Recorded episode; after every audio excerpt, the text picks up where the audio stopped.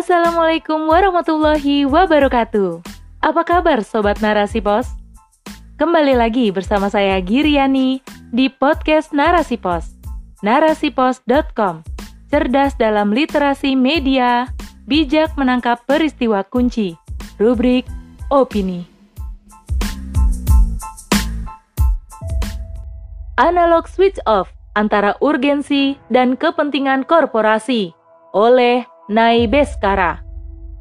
Bagi dunia yang tengah memasuki era revolusi industri 4.0 ini, proses digitalisasi di berbagai lini merupakan sebuah keniscayaan. Kompas.com menekankan bahwa revolusi industri 4.0 yang berbasis komputerisasi ini akan mengubah banyak sektor dan aspek kehidupan manusia secara sistemik. Salah satu sektor yang dituntut untuk segera beralih adalah sektor penyiaran.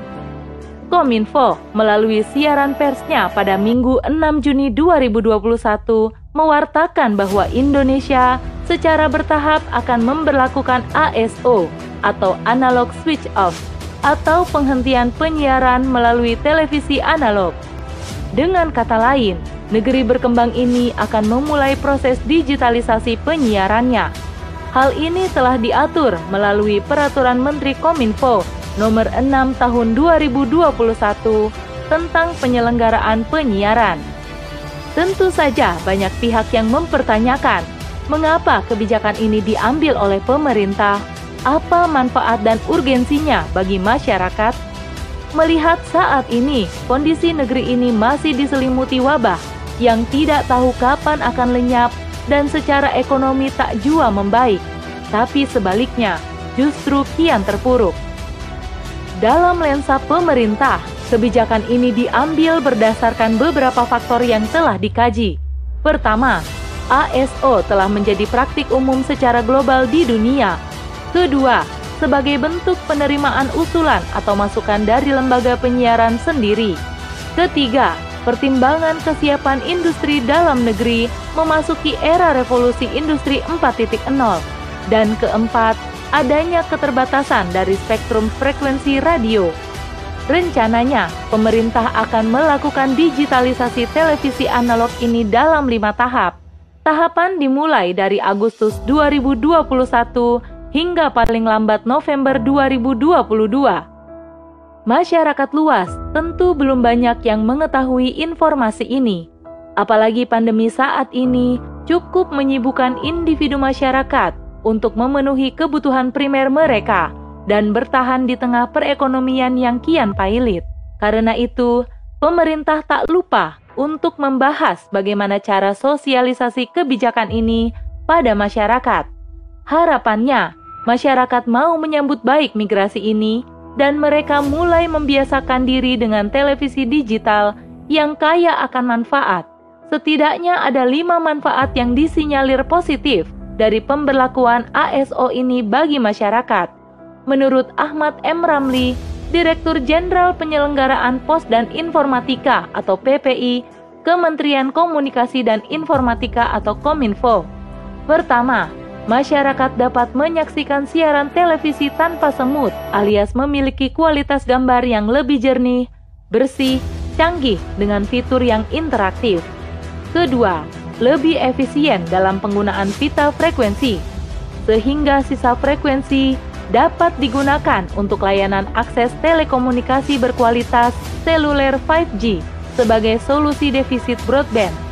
Ketiga, ASO dapat memperkokoh ideologi bangsa dan memperkuat nasionalisme dari diversifikasi program tayangan stasiun televisi lokal, terutama di wilayah perbatasan. Keempat, mendorong keberagaman konten pada industri penyiaran di dalam negeri, khususnya ketersediaan ruang untuk konten lokal. Kelima, ASO membuka peluang bagi industri pertelevisian untuk berkompetisi secara adil dalam playing field yang sama. Melihat kelima manfaat di ataslah, akhirnya kebijakan ASO ini hendak diwujudkan pemerintah. Staf ahli Menteri Kominfo, Profesor Dr. Henry Subiakto, menyatakan kebijakan ini harus disukseskan. Karena adanya penataan penggunaan frekuensi televisi analog ini akan menghasilkan digital dividend yang itu akan dikembalikan untuk kemaslahatan masyarakat. Sekilas, langkah yang ditetapkan pemerintah ini baik untuk kepentingan masyarakat. Di satu sisi, pemberlakuannya menjanjikan berbagai manfaat yang telah disampaikan di atas. Tapi di sisi lain, kebijakan ini nyatanya sungguh menguntungkan pihak korporasi. Banyak dari anggota masyarakat yang belum memahami, kecuali yang peka dan jeli, akan bahaya yang terselubung dalam kebijakan ini. Tidak dipungkiri bahwa digitalisasi penyiaran amat dibutuhkan agar informasi segera dapat diperoleh dalam waktu yang singkat tanpa kendala, dan negeri ini mampu bersaing di kancah internasional baik informasi yang sifatnya edukatif dari pemerintah ke masyarakat, masyarakat ke pemerintah, maupun antar masyarakat. Tetapi, ada satu hal yang tak boleh luput dari pantauan kita, yakni terkait apa yang ada di balik kebijakan ini. Bila kita mengikuti dan telusuri pemberitaan tentang migrasi televisi, ternyata Kebijakan ini merupakan implementasi dari Perundangan Cipta Kerja nomor 11 garis miring 2020 dalam bidang pos telsiar atau pos telekomunikasi dan penyiaran yang dua tahun lalu disahkan. Ada catatan menarik dari seorang pengamat media penyiaran, yakni Mas Duki, Doktor Social Science, dosen tetap program studi ilmu komunikasi UII Beliau menyampaikan dalam tulisannya bahwa Undang-Undang Cipta Kerja berpeluang besar mereduksi posisi penyiaran sebagai sebuah entitas media massa yang berperan mengelola konten yang sehat dan independen menjadi hanya sebatas entitas bisnis semata, di mana masyarakat publik dipandang sebagai konsumen, bukan statusnya sebagai entitas sosial yang memiliki peran strategis dalam pemberdayaan dan kontrol sosial. Adapun Komisi Penyiaran Indonesia atau KPI pasca disahkannya Undang-Undang Cipta Kerja hanya diposisikan sebagai regulator penggembira saja. Hak review atas perizinan siaran tidak lagi disandang oleh lembaga ini. Terlebih lagi, di negeri ini, pemilik stasiun televisi hanya didominasi oleh 12 kelompok. Penguasaan media oleh kelompok oligarki ini memungkinkan mereka menggunakan media penyiaran sebagai alat politik praktis. Sentralisasi dan monopoli kepemilikan media ini mengakibatkan penyiaran bukan lagi sebagai ruang bagi publik, tapi ruang bagi para konglomerat. Intinya adalah pemberlakuan kebijakan Undang-Undang Cipta Kerja terkait penyiaran ini alih-alih bermanfaat bagi masyarakat, justru sebaliknya dapat menjadi jalan bagi korporasi untuk mencapai tujuan dan keuntungan materi. Bila tujuannya hanya keuntungan yang sifatnya materi, maka dapat dipastikan bahwa tujuan edukasi dengan memberikan konten yang baik dan bermanfaat tinggallah sebuah wacana. Konten yang diproduksi akhirnya disesuaikan dengan selera masyarakat dan kepentingan korporat. Konten yang diproduksi pada akhirnya disesuaikan dengan selera masyarakat dan kepentingan korporat, bukan untuk tujuan mencerdaskan masyarakat. Apalagi selama ini pemerintah lebih condong kepada pihak korporat daripada rakyat. Alhasil, manfaat digitalisasi televisi yang dirasakan masyarakat hanya sebatas isapan jempol belaka. Sejatinya, manfaat terbesar akan diraih oleh para pemodal yang bermain di sektor penyiaran ini. Belum lagi, mereka dapat menyisipkan ideologi mereka melalui konten-konten yang diproduksi. Alih-alih mampu memperkuat ideologi negeri, yang ada, masyarakat akan semakin sekuler dan liberal.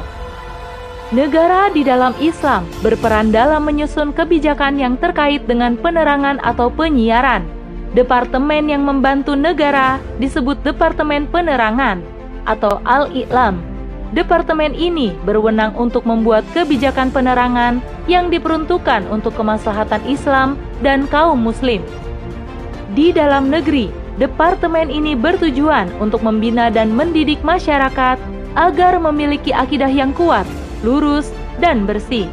Dengan kata lain, negara melalui departemen ini harus mampu menjaga akidah kaum muslim. Adapun keluar negara Islam, lembaga ini harus mampu mewujudkan dakwah Islam, yakni menyiarkan Islam dalam segala kondisi, damai atau perang, menjelaskan kefasadan sistem-sistem di luar Islam, serta harus mampu memperlihatkan keagungan, kemuliaan, keadilan, dan ketangguhan militer Islam sebagai jalan menggetarkan musuh-musuh Islam. Karena itu, penyiaran atau penerangan merupakan perkara yang urgen bagi negara Islam dan dalam aktivitasnya menyebarkan dakwah ke seluruh alam. Islam menjadikan media penyiaran sebagai jalan untuk sampainya sakofah Islam ke seluruh kaum muslim sebagai bentuk penjagaan terhadap akidah dan akhlak. Maka dari itu, konten-konten yang tidak sesuai dengan sakofah Islam akan diblokir dan tidak diizinkan untuk ditayangkan. Tidak seperti saat ini, di mana konten-konten yang mengarah pada pornografi dan porno aksi masih dapat tayang hanya karena banyaknya permintaan. Media penyiaran dalam negara Islam benar-benar dikelola untuk kepentingan dakwah Islam dan kemaslahatan kaum muslim tanpa ada tujuan yang bersifat komersil. Dengan begitu, negara mampu melindungi warganya dari konten-konten yang tidak sehat dan jauh dari Islam sudah saatnya sistem penyiaran diatur sesuai dengan hukum Islam. Tapi, sistem penyiaran yang bertujuan Islami ini tak akan mampu terwujud tanpa adanya institusi Islam yang menerapkan Islam dalam setiap lini kehidupan, yakni khilafah Islamiyah. Karenanya, institusi ini harus segera ditegakkan kembali demi tercapainya penyiaran dan masyarakat yang islami. Wallahu alam bisawab.